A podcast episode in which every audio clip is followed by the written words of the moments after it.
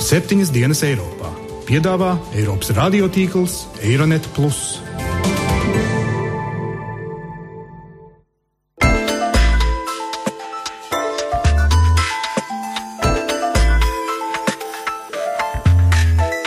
Šonadēļ septiņas dienas Eiropā dzirdēsim. We are sorry we don't support this. Next commission may not have sufficient number of women. Latvijā sievietes ir ieņēmušas pašas augstākos valsts amatus.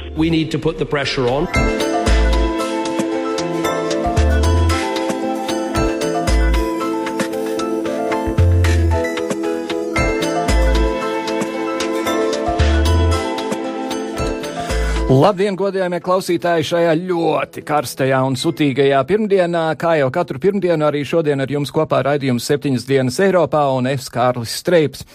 Raidījumā atskatāmies uz notikumiem Eiropā un arī pasaulē, un, protams, arī šoreiz uzmanības centrā būs Ukraina. Tas, kas notiek Ukrainas austrumos, turpina šokēt pasauli. Nu jau tiek minēts, ka pat viskritiskāk domājošajām Eiropas valstīm vairs nav ilūziju par sadarbību ar Krieviju. Tāpat izskan ar vien vairāk minējumu, kas notiks tālāk pašā Krievijā. Pastiprinātās sankcijas jau tagad var ļoti nozīmīgi ietekmēt Krievijas bankas, bet oligārhu uzņēmumiem samazinās vērtība biržu lejupslīdes dēļ. Sociālajos tīklos aizvien vairāk parādās dažādi video vēstījumi, kuros Krievijas pilsoņi atvainojas Ukraiņiem par nodarīto.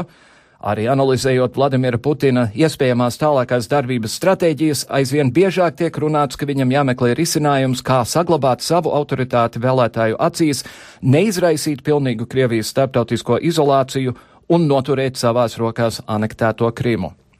Diezgan aktīvu lomu sankciju ieviešanā Eiropā sākusi pildīt Lielbritānija. Tieši Lielbritānijas premjerministrs visasāk pārmeta Francijai, kas vēl joprojām nevēlas atteikties no Krievu naudas, kas jau saņemta par pirmo Mistral kuģi. Francija tikmēr piedraudēja, ja Krievijas attieksme nemainīsies, otro desantu kuģi Parīze varētu arī Maskavai nepārdot. Lielbritānijas premjerministrs Deivids Kamerons ir aicinājis boikotēt ieroču piegādes Krievijai arī tās, kuras vēl joprojām veids Britu uzņēmēji. Tāpat Briti nolēmuši atjaunot izmeklēšanu par noindēto bijušo Krievijas spiegu Aleksandru Ļitvinenko, lai noskaidrotu, vai viņa nāvē ir vainojama Krievijas valsts. Bet nu gan par visu pēc kārtas kolēģis Gita Siliņas sagatavotajā aizvadītās nedēļas notikuma atskatā, domājot tieši par to pašu Krievijas un Ukrainas situāciju.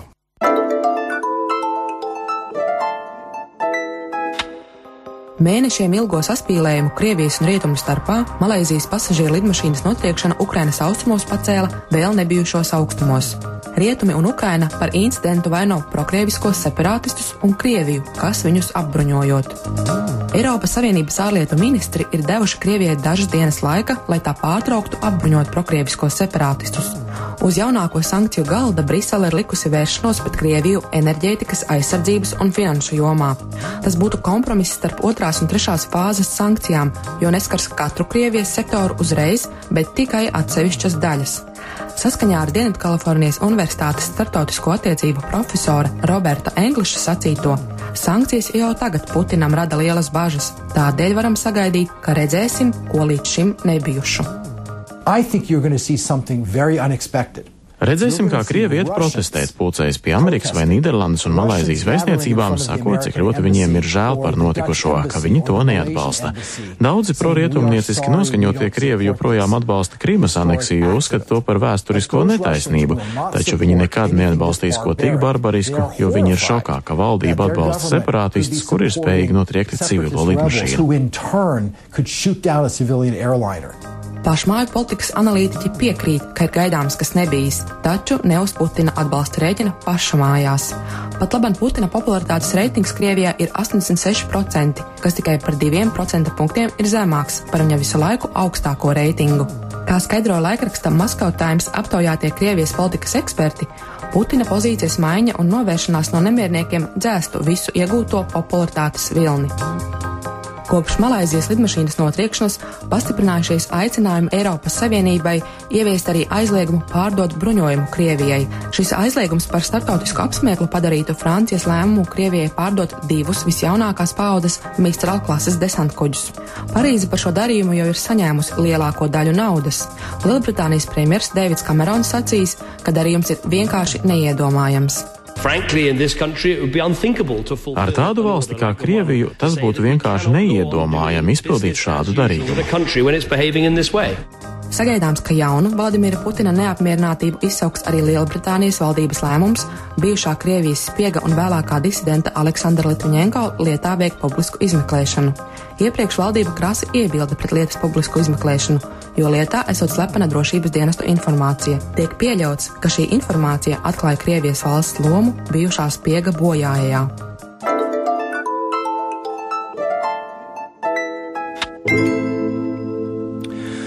Tas, kas notika Ukrainas debesīs 17. jūlijā, ir atstājis neizdzēšamu iespaidu uz katru eiropieti. Tomēr Malaizijas lidmašīnas notriekšana ir likusi drusku aizmirst par citām lietām, tostarp par kārtējo gāzes konfliktu vai arī par topošo Eiropas komisiju.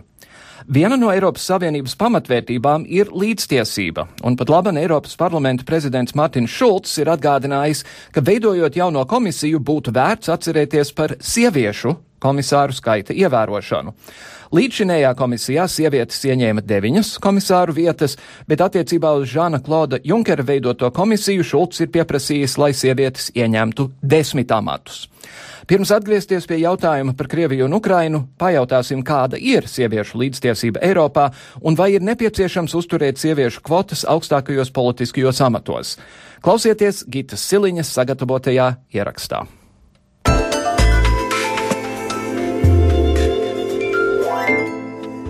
Jau ziņots, ka Eiroparlamenta priekšsēdētājs Martins Šulcs ir nācis klajā ar brīdinājumu, ka Eiropas komisijas sastāvā jābūt pietiekami daudz sieviešu, un dalībvalstīm esot jāprotas parlamentāriešu rindas vairot ar daudzām komisārēm. Pašreizējā komisijas kolēģijā no 28 komisāriem 9 ir sievietes. Dāmas apņēmušās rīkoties un aicina komisijas prezidentu Žānu Klodu Junkaru pievērst īpašu uzmanību šim jautājumam un nospraust mērķi, ka jaunajā Eiropas komisijas komandā ir vismaz desmit sievietes. Ar šādu paziņojumu savu kolēģu vārdā uzstājās Eiropas Savienības izglītības un kultūras komisāra Andrula Vasiliju. Female commissioners are very worried Sievietes komisāras ir ļoti noraizējušās, ka nākamajā komisijā var nebūt pietiekami daudz sieviešu, tāpēc mēs sagatavojām vēstuli, ko parakstīja visas sievietes komisāras. Vēstuli ir adresēta prezidentam Žanam Klodam Junkeram, lūdzot viņu iecelt vismaz desmit sievietes nākamajā komisijā.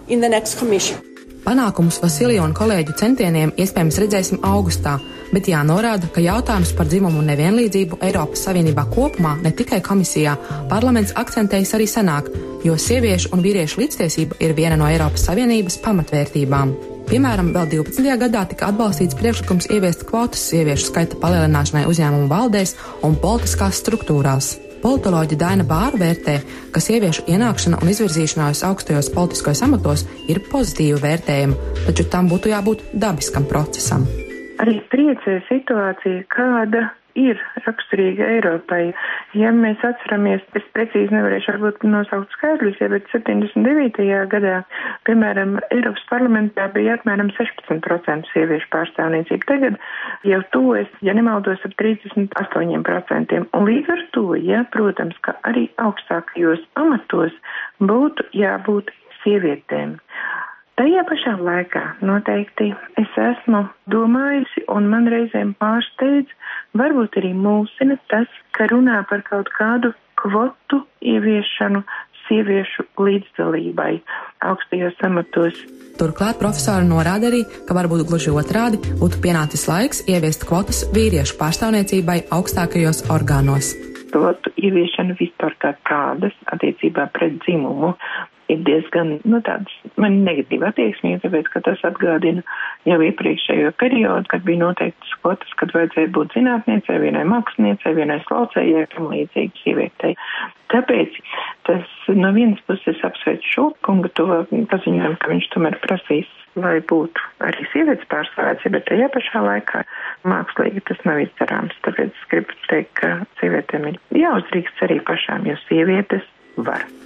Par sieviešu līdztiesību politikā un daudzās citās jomās runā arī Eiropas parlamenta deputāte no Portugāles socioloģe Marisa Matijas, kura Eiropas Savienības pētniecības un inovāciju izdevumam Eraizen norādīja, ka patiešām Eiropas parlamentā ir jūtams un redzams sieviešu trūkums, taču šāda aina attiecinām arī uz citiem laukiem, piemēram, zinātni un zinātnes politiku. Tāpat viņa uzmanību pievērš jautājumam, kas saistīts ar stereotipiem par dzimumu lomām sabiedrībā kopumā. Ir daudz stereotipu par sievietēm. Zinātne nav izņēmums. Ir nepieciešams cīnīties par tiem. Ja mēs skatāmies uz darba sadali, pētniecības centru direktoru un universitāšu vadītāju, mēs joprojām redzam milzīgu nevienlīdzību varas attiecībās. Sieviešu zinātnieši nav maz, bet aizvien pastāv priekšstat par mums kā par sievietēm. Ir izcils sievietes, ir izcili vīrieši. Jautājums nav par to. Jautājums ir par iespējām. Uz abiem būtu jātiec vienādiem likumiem un iespējām vai nepietiekama dzimuma vienlīdzība Eiropas komisijā un citās institūcijās varētu būt draudz demokrātijas leģitimitātei. Profesori Bāra skaidro, ka gluži draudz tas nevarētu būt. Tomēr zināms līdzsvars būtu nepieciešams, lai arī pārstāvniecība būtu līdzsvarā. Kvalitatīvai pārvaldei noteikti zināms draudz tas ir, ja ņem vērā to, ko es teicu, ka ir vajadzīgs līdzsvars sabiedrībā, jo puse vismaz vai vairāk kā puse sabiedrības ir sievietes. Un katrā ziņā Es domāju, ka arī pārstāvniecība tad prasītos, ka būtu līdzsvarā. Bet šeit diezgan grūti būtu mākslīgi panākt šo situāciju, uzlabot situāciju, jo ir jāpaiet noteiktam laikam, vai tajās pašās centrāla austruma Eiropas valstīs, lai arī Vācijā, teiksim, sievietes ieņemtu pienācīgu vietu. Pienācīgu vietu, pienācīgu skaitu augstākajos pārstāvniecības orgānos. Te ir vēl viena lieta varbūt, ka tas nav tik daudz saistīts varbūt ar demokrātijas leģitimitāti, kā gan arī drīzāk ar to, ka vienkārši šis sievietes ir izglītotas, gudras un reizēm, ko es arī bieži esmu teiks, ka vīrieši vienkārši negrib ļaut sievietēm nonākt pie varas, jo viņi baidās no gudrām, izglītotām sievietēm. Un te ir jautājums par vīriešu spējām, vīriešu prasmēm, vīriešu atbildību. Savukārt, ja niansētāk ielūkojamies tieši Latvijas situācijā, tad profesora Bāra norāda, nav ne mazāko šaubu, ka sievietes var daudz izdarīt, un Latvija var būt piemērs. Latvijā sievietes ir ieņemšas pašas augstākos valsts amatus, bijuši augstākās amatpersonas, gan valsts prezidenta, gan sārdas spīkeri, gan arī tagad premjerministrs. Un šie darbi nav viegli, tie ir ļoti grūti, atbildīgi darbi. Un sievietes visas Latvijā ir parādījušas, ka viņas godam tiek galā, un citas valsts varētu tikai mācīties. Vienīgi tas, ka daudzās vietās, protams, vēl ir manāms tas, ka sievietēm ir daudz vairāk pūļu jāpieliek, vairāk sevi jāpierāda, lai izvirzītos. Arī īpaši Latvijā, tā skaitā akadēmiskajā vidē. Tikmēr pavasarī publiskotais sabiedriskās politikas centra providus pētījums Dzimuma līdztiesība Latvijas politikā ziņo, ka, lai gan Latvijas redzamākajos politiskajos amatos, sājumas un valdības vadībā pat labi ir sievietes, tas nebūtu neatspoguļo faktisko situāciju, jo, piemēram, saimas sastāvu veido tikai ceturtā daļa tā dēvētā daļā dzimumu pārstāvju, bet no parlamentā esošajām partijām tikai trīs partiju valdēs ir sievietes un divas trešdaļas Rīgas domas deputātu ir vīrieši.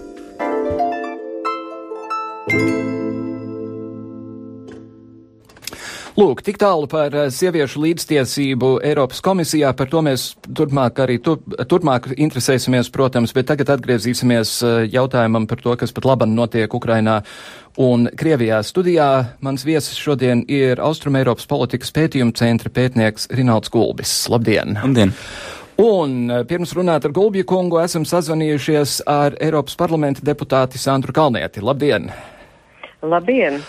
Sāksim, sāksim būtībā ar to pašu sieviešu jautājumu. Kā jūs skatāties uz šo kvotu izvirzīšanu? Es skatos atbalstoši, jo arī profesors Bārs savā runā nonāca pretrunā pats ar sevi. Un Eiropas Tautas partija iepriekšējā gadā izdarīja labojumu statūtos, nosakot, ka vienai trešai daļai no pārstāvniecībā no vadošajām institūcijām ir jābūt pretējā dzimuma pārstāvjiem, tādējādi noņemot jautājumu, vai tas ir sieviete, eh, vai tā ir sieviete, vai tas ir vīrietis. Mm -hmm. vai, vai jūsuprāt, tas vai dzimums ir svarīgākais, lemjot par to, kas būtu piemērots, teiksim, lauksaimniecības komisāra amatam?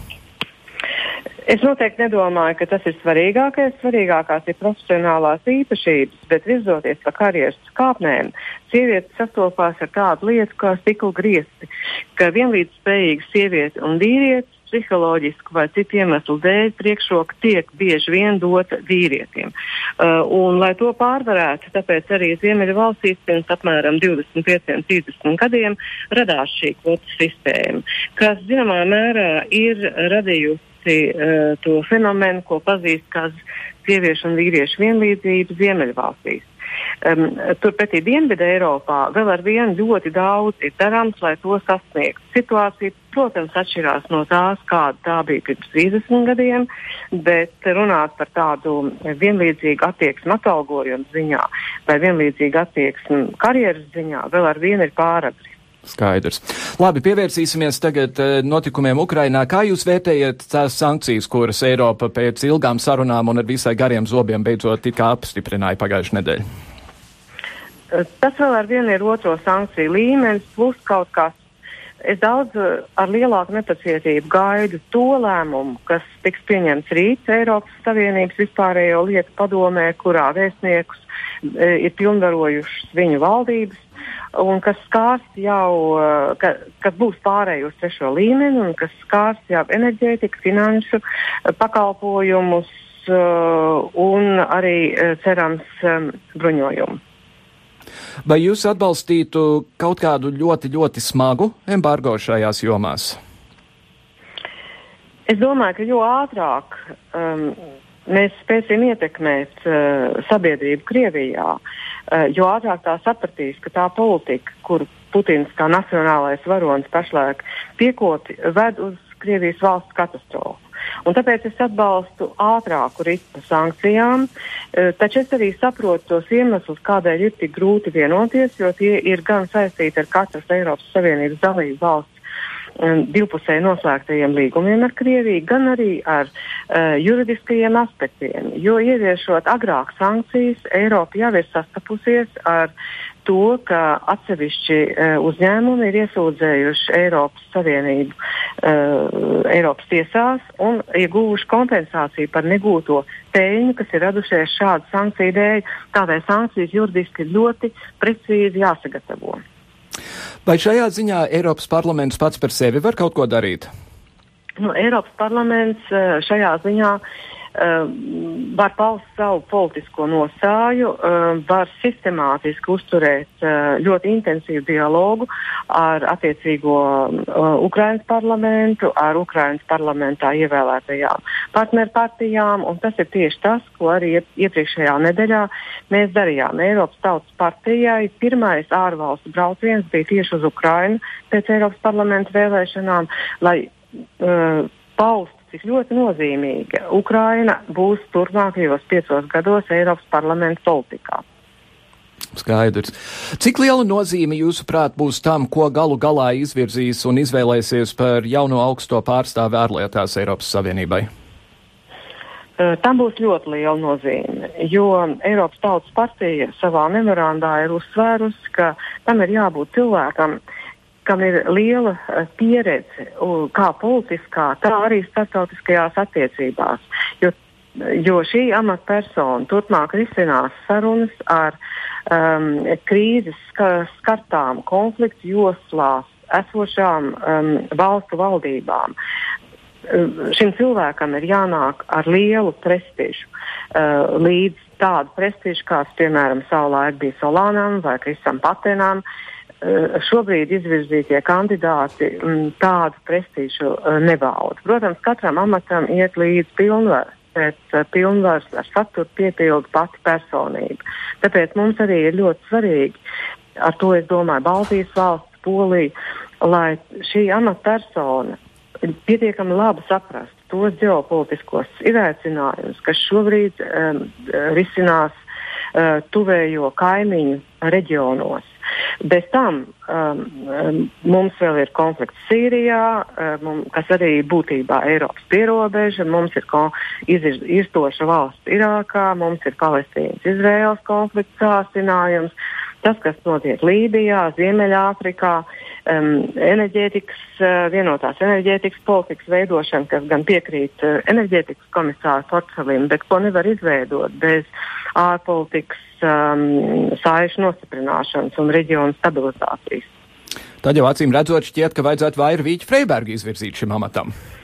Nu, man jau vienmēr ir licies, ka mūsu prezidente ir uh, tāda mēroga politiska personība, kas uh, spēj pildīt gandrīz vai jebkuru amatu. Man vēl ar vienu ir žēl, ka uh, iepriekšējā periodā, kad um, ANO ģenerāla sekretāra amats piekrita pēc reģionālās sadalījuma principa Āzijai, uh, tas nebija Austrum Eiropas um, periods, jo šobrīd atkal mēs gaidām nākamā ANO ģenerāla sekretāra ievēlēšanu, un ir zināms, ka viena no visticamākajām kandidātēm būs tagadējā Horvātijas ārlietu ministre.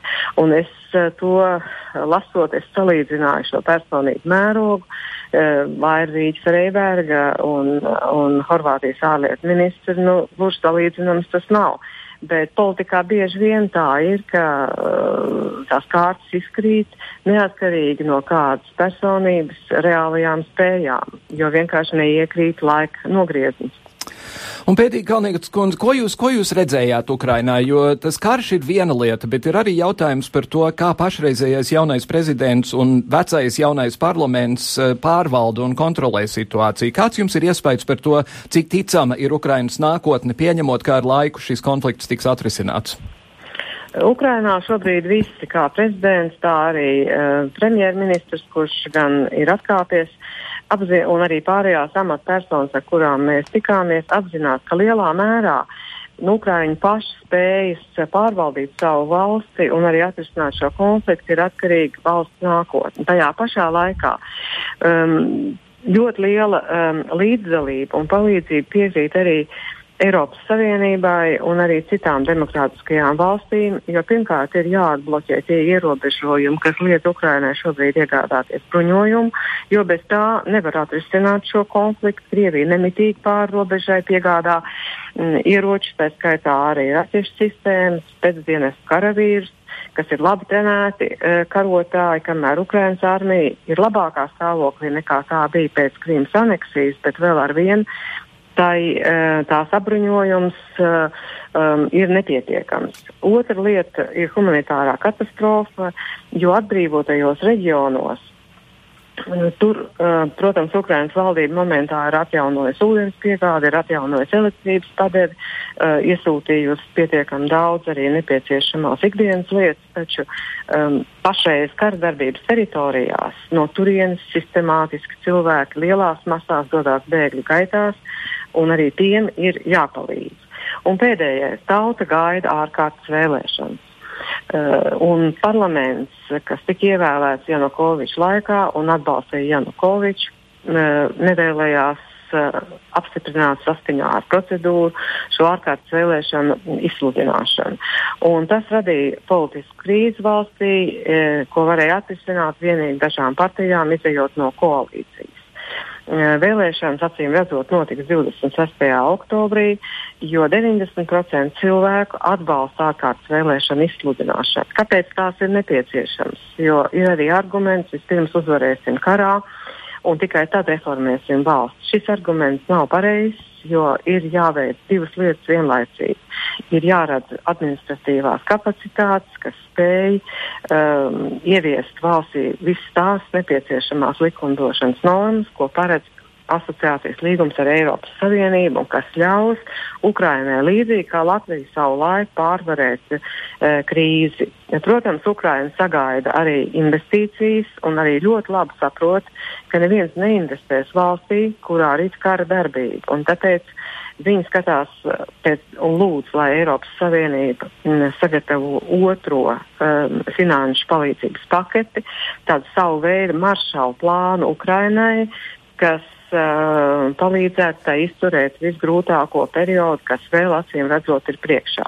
Tāpēc arī šīs vēlēšanas 26. oktobrī um, ir nepieciešamas, lai tiktu ievēlēti deputāti, kas ir pro eiropeiski, mm, kas būtu gatavi pieņemt tos likumdošanas aktus, kas pašlaik tiek vilcināti. Vilcināts tajā skaitā tiek arī Austrum Ukrainā ļoti gaidītais konstitūcijas uh, likumprojekts, likumprojekts par uh, Ukrainas uh, decentralizāciju, jeb par pašpārvaldes daudz augstāku pašpārvaldes līmeni, kas dotu Ukrainas, Austrum Ukrainas iedzīvotājiem vēsti, ka centrālā vara Krievijā, viņa, Ukrainā viņas ir sadzirdējusi un pieņem uh, šo, šo decentralizācijas modeli.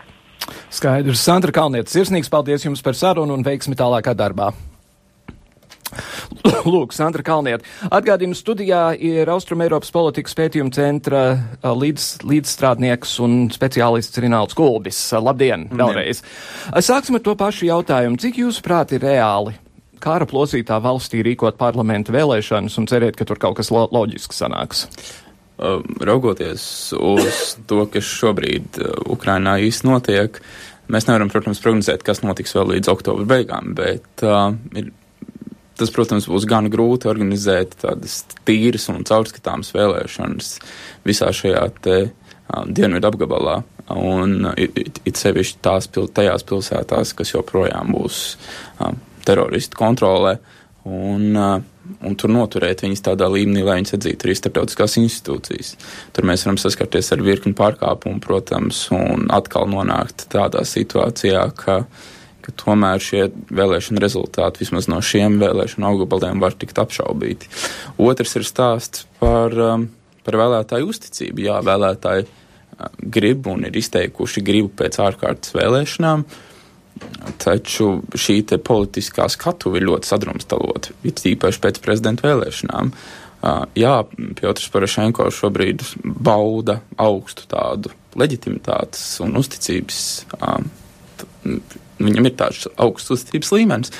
Taču bez viņa vārdu šī viņa partija, ko sauc par solidaritāti, ja viņu neliek iekavās, tad sociāl, socioloģiskajās aptaujās viņa nokrīt krietni zem tā līmeņa, um, ja, ja vienlaikus tiek norādīts arī Porošenko vārds blakus konkrētajai partijai. Tieši tāpat arī ar pārējo politisko spektru, kur, kur uh, Kličko ir zaudējis lielu daļu savu elektorātu. Uh, neizrādot kādas ambīcijas un nevēlēšanos kļūt par valsts prezidentu. Tāpat arī ar Julijas Timošenko bloku tēvzemi. Tauta patiesībā ir nogurusi no Timošenko un arī Atseņuks. It kā ir izteicis vēlmi, ka viņš var, varētu atgriezties pie savas partijas, kas uh, savā laikā integrējās um, Jūlijas Timošenko blokā, bet joprojām nav likvidējusies. Līdz ar to šobrīd pastāv arī viedoklis tāds, ka Arsenijs Jāciņuks varētu atjaunot šo savu partiju. Līdz ar to šis politiskais spektrs ir sadrumstalots tik ļoti, ka mēs īsti nevaram prognozēt, kas tur gala rezultātā varētu sanākt un kas varētu nonākt pie varas. Jā, un vai varētu sanākt valdība, kas tiešām ir, kā Kalnietis kundze teica, pro-eiropeiska un spējīga darīt visu to, kas ir vajadzīgs? Tieši tā, jo mēs redzam arī, ka pietiekam liels atbalsts ir, ir, ir Oļa Gļaško vadītajiem uh, populistiem, un tie ir tādi uh, galēji populisti, kas strādā gan uz komunistiskiem lozungiem, gan uz, gan uz neonacistiskiem lozungiem. Viņi nosedz visu šo populismu spektru, bet viņi bauda 10% šī brīža socioloģisku aptauju dalībnieku uzticību. Līdz ar to mēs nevaram tiešām prognozēt, kas tur gala rezultātā sanāks un vai sanāks rīcības spējīga valdība oktobra beigās. Vai jūsuprāt, eventuāli varētu būt tā, ka Ukraina sašķeļas divās daļās, tā kā tas pat labi notiek ar Irāku? Uh, cerams, protams, ka nē, un, un, un, bet tas ir vairāk vai mazāk. Um, netik daudz atkarīgs no tiem politiķiem, kas ir redzamās figūras, bet no tiem uh, cilvēkiem, ko mēs saucam par oligarhiem, kas stāv patiesībā visiem Ukraiņas politiskiem spēkiem aiz muguras. Un tas, ko paredz arī asociācijas līgums ar Eiropas Savienību, ir lielo uzņēmumu privatizācija. Un tas ir arī viens no iemesliem, kādēļ um, arī oligarhi ir izteikuši vēlmi pēc ārkārtas vēlēšanām. Uh, līdz ar to katrs kāro šo kaut kādu, no liel, kādu daļu vismaz no lieliem valsts uzņēmumiem pārņemt pilntiesīgā savā kontrolē. Un, uh, ja oligarhi izteiks vēlmi un redzēs šeit iespēju noturēt savas biznesa intereses un varu, tad visticamāk Ukraina nesašķelsies un, un uh, diez vai arī tīri pragmatiski raugoties, ja mēs vēl pragmatiski varam paraudzīties uz Krieviju, tad arī Krievijai nav vajadzīgs šāds te separātisks, milzīgs separātisks reģions, kā atšķelt Ukraina. Jā, mēs varam runāt. Osetija vēl tiek galā, bet visa austrumu Ukraina kaut kas cits. Jo mēs varam runāt varbūt par kādu atsevišķu reģionu, kā, kā šajā gadījumā ir, ir teroristi kontrolētā Luganskas un, un Doņetskas teritorijas daļa, um, kur, kur viņi varētu izveidot kaut ko līdzīgu Piedņestras koridoram. Bet uh, arī Piedņestra Krievija izmaksā vairākus miljardus dolāru gāzes naudas gadā. Um, līdz ar to mēs pat nevaram prognozēt, cik liela summa būtu šādai kārtējai Kremļa anklāvu politikai, jo to, ka Kremlis veido anklāvus, to, tas jau ir paredzēts dažādās ārpolitikas koncepcijās jau sākot no 2000. gada, kad Valdimirs Putins nāca pie varas. Tad arī ārpolitikas koncepcijās tika paredzēta šāda anklāvu politiku, lai nostiprinātu savas ģeopolitiskās pozīcijas ne tikai Melnajā jūrā, bet arī, starp citu, arī ziemeļrietumu virzienā. Kā jūs vērtējat Eiropas reakciju pret to, kas tur notiek? Um, Eiropas reakcija ir, ir lēna, un tas, tas ir. Neizbēgami. Laikam ar 28 dalību valstīm. Tas ir 28 dalību valstu princips, protams, bet šeit ir arī jāskatās uz to, ko jūs jau jautājat Sandrai Kalnietei par to, kam ir jābūt nākamajam šim tārlietu līderim. Um, tad jāsaka, ka Ketrīna Eštona, um, ir simboliska figūra kur patiesībā nav bijusi proaktīva un, un kura nav spējusi sabalansēt šo te lielo spēlētāju viedokļus, kā, kā Vācijas, Lielbritānijas un Francijas. Un uh, Eiropai arī nav skaidra mehānisma. Jā, mēs varam iet uz, uz Eiropas Savienības tiesu un, uh, un, un, un pieprasīt kādas kompensācijas sankciju gadījumā, bet nav mehānismu, kā piemēram tai pašai Francijai kompensēt šo viņu miljardu ieguldījumu būvējot šos te pašus mistrālu kuģus. Un, bet tas, tas ir tas princips, ka, uz ko Eiropai ir jātiecās, un tas ir, piemēram, atkarīgs no tā tieši kāda ir šī nākamā persona, kas, kas spēs savaldīt un uzklausīt gan, gan Merkeli, gan Olandu, gan, gan Kameronu. Cik ietekmīgas, jūsuprāt, ir bijušas pašreizējās sankcijas? Par to domas dalās. No vienas puses, Krievija it kā smīn par tām, bet no otras puses mēs dzirdam, ka tautsēmniecība brūk un, un tā tālāk. Jā, bet daudz iedarbīgāks ir bijuši uh, tieši, lai arī Krievija ziņo, ka viņiem ir maza tirdzniecības bilants ar Amerikas Savienotajām valstīm. Daudz iedarbīgāks par Eiropas Savienības sankcijām ir bijušas Amerikas Savienoto valstu sankcijas. Ir tīpaši tās, kas ir bijušas šīs pēdējās fāzes sankcijas, kur Amerikas Savienotās valsts arī ierobežoja uh, finanšu darījumus ar, ar ASV dolāriem, kur Krievijas fonda biržas reaģēja ļoti strauji un cieta milzīgus zaudējumus. Un, un, un, un arī uh, ziņa aģentūra Bloomberg ziņoja par tādas korporācijas kā Novatek zaudējumiem nedēļas laikā - 3 miljārdu ASV dolāru. Lūk, ASV saprata, kas ir tie punkti un vadījās pēc uh, jau Brzezinska laikā izstrādātās teorijas par to, ka sankcijas var būt uh, labāks mehānisms kā tieši, kā tieši militārs atbalsts. Mm. Tas, par ko runā Eiropa, ka mums vajag lūk sniegt militāru atbalstu un tam līdzīgi. Uh, bet tas ir tas, uz ko Eiropa nevar sadūšoties, strādāt pret veselām nozarēm. Tas, kur Eiropa varētu strādāt, ir tieši um, jauno tehnoloģiju nodošana Krievijai, kas, kas, kur, kur arī Francijai, protams, ir vislielākā loma gan, gan mašīnu būvniecības sektorā, gan šī, šo pašu militāro tehnoloģiju pārdošanā. Jo tas, kur Krievija ir palikusi, viņi ir palikusi tādās, tādos 80. gados savā rūpnieciskajā attīstībā, un viņiem vienkārši vajag šīs te Eiropas tehnoloģijas, kas ir patiesībā ļoti viegli piemērojams sankciju paketi.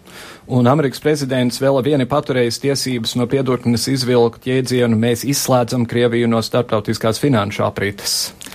Tās iznīcināja Irānas tautsēmniecību. Tieši tā, jo, atsaku, jo šobrīd Kremlī ir valda gan liela panika par to, kas, kas notiek brīdī, um, ja viņi vairs nevar veikt nekādas finanšu operācijas ar ASV dolāriem, kas, kas ir um, viņu ejošā valūta starptautiskajos norēķinos. Šobrīd Krievijas centrālā banka jau ir krasi reaģējusi, paceļot procentu likmes, kur, kur vislielākie cietēji ir tieši vienkāršie Krievi. Un, Gala rezultātā Kremļa kontrolētā ziņa aģentūra saka, jā, ka lūk, Turcija ir piedāvājusi savstarpējos norēķinus rubļos un, un Turcijas lirās. Uh, taču diez vai tas ir tāds normāls solis mūsdienu ekonomikā, šāds mazvērtīgs starpvalūtu norēķins. Uh, un, un tas ir tas, kas Kremlī rada vislielāko satraukumu, nevis Eiropas Savienības sankcijas par, par uh, divām viesnīcām Simferopolē, vienu viesnīcu Jaltā un, un, un Kadīrova iebraukšanu Eiropas Savienībā. Ja? Nu, jā. un pēdīgi 26. oktobrī vēlēšanas būs Ukrainā, bet 3. oktobrī vēlēšanas būs šeit pie mums, un tai valdībai Latvijā, kura tiks pēc tam izveidota dažas nedēļas vai mēnešus vēlāk, būs jāpārņem Eiropas Savienības prezidējošās valsts status. Cik lielā mērā, divi jautājumi, cik lielā mērā jūsuprāt mūsu kampaņā Ukraina spēlēs kaut kādu lomu? Un otrkārt, cik ticams ir tas, ka vienalga, ko Latvija grib tajos sešos mēnešos darīt, Ukraina tai būs galvenais, galvenais uzsvars? Uh, Pirmais, jā, mums, mums Ukraina jau šobrīd prezidentūras šim pusgadam ir ierakstīta dienas kārtībā, un, un to jau, tas jau notika jau pagājušā gada laikā, stādot prezidentūras programmas, gan dažādas darba tikšanās, gan konferences un, un, un tam līdzīgi. Un Ukraina šajā sakrā, protams, ir iekš šī lielā koncepta, ko sauc par Eiropas Savienības austrumu partnerību, kur, kur ir iekšā arī Gruzija, Moldova, Azerbaidžāna, Armēnija, daļai arī Baltkrievija, protams. Un, bet Ukraina būs tāds centrālais virsraksts visam šim pasākumam, kas, kas būs mūsu prezidentūras laiks. Um, protams, šeit ir atkarīgs tas, kā mainīsies mūsu politiskā vide un mūsu politiskais spektrs. Ja ārlietu resursi paliek šī brīža līmenī, tad mēs varam būt gandarīti un, un, un, un tiešām būt apmierināti ar to, kas, kas notiks ārlietās. Um, jautājums, kas, kas tiešām notiks pēc vēlēšanām, bet uh, mierinošais moments ir tas, ka Edgars Nikēvičs ir izdarījis visus mājas darbus, kas ir jāizdara, un prezidentūras laikā ir grūti mainīt kārtējās prioritātes, un tā dienas kārtība praktiski jau ir noteikta uz šo brīdi. Latvijas elektorātam interesē Ukraina, jūsuprāt? Um, Latvijas elektorātam uh, runājot ar, ar, ar cilvēkiem, kas ikdienā neseko līdzi visiem notikumiem Ukrainā, uh, ir, um, saudabīgs redzējums uz to visu, tāpēc ka mums ir ne, ne tikai šī sašķeltā informācijas telpa, ko mēs piesaucam bieži vien, bet arī um, dažādie ļoti atšķirīgie traktējumi, ko mēs, ko mēs gūstam no plašsaziņas līdzekļiem. Sākot gan, kur, kur mēs neesam vienojušies ne par to, ko mēs saucam par uh, wording angļu valodā, jeb par terminoloģiju, kā tad mēs sauksim konkrēto gadījumu, kas notiek Ukrainā, vai tie ir separātisti, teroristi vai kas tas ir, uh, gan arī kas cits, un, un kurš tad īsti tajā konfliktā ir, jo vai tas ir pilsoņu karš, kā to pasniedz vakar ziņas, vai, vai, vai tas ir kas, vai tas ir Kremļa inspirēts projekts, vai kas, nu, tas ir tāds diskutabls jautājums. Bet es ceru, ka latviešu elektorātam šis jautājums interesē, un, jo, ja neinteresē, tad, tad nu, vienā brīdī mēs varam nonākt tādā pašā situācijā. Kā jūs prāt, tas viss beigsies? Cik jums ir liela kristāla bumba, kurā jūs varat ieskatīties? Un... Um, es ceru, ka tas, ka tas viss beigsies uh, gana mierīgā veidā, um, nesākoties kaut kam līdzīgam kā Vietnamai, kur sadūrās divu ģeopolitisko smagsvaru intereses. Uh, bet um, ši, šobrīd, šī brīža retorika, protams, ir tāda atgriešanās augstāk ar gultnē gan no Vašingtonas, gan Maskavas puses. Uh, un, uh, bet uh, cerēsim, ka Eiropa, lai arī cik lēna un, un, un, un cik mazaktīva, tomēr spējas noturēt šo te, tādu vidutāju lomu, un Eiropai patiesībā ir jāuzņemas vidutāja loma tam, lai konfliktu noregulētu daudz maz, cik nu vēl tas ir iespējams mierīgā ceļā, bez jebkādas lielākas asins izliešanas. Protams, ir jāsaprot, ka hibrīda kara gadījumā, kas tas ir šobrīd, ir, ir, grūti kļūt par vidutāju, jo nav konkrētu spēlētāju. Kremlis saka, ka Krievija tur neiesaistās, separātisti ir kaut kas pats par sevi, un tad vēl ir Ukraina ar savu sašķelto politisko vidi. Un līdz ar to Eiropai arī ir skaidrs saprotams, ka tur ir grūti panākt kaut kādu konsensusu. Dzīvosim, redzēsim. Rinalds Kolbis, paldies jums paldies. par sarunu. Kā jau zināt, raidījums septiņas dienas Eiropā nekad neapstājas pie pagātnes aplūkošanas. Vārdu dodiet arī tiem, kas vēlas prognozēt tālāk notiekošo. Ja par Krieviju, tad šoreiz runa ir par vienu pavisam konkrētu jomu. Latvijas Zivsainiecības asociācijas vadītājs Inārijs Voits par Latvijas zivju pārstrādātāju situāciju saistībā ar eksportu uz Krieviju un citām valstīm Ukrainas krīzes ietvaros.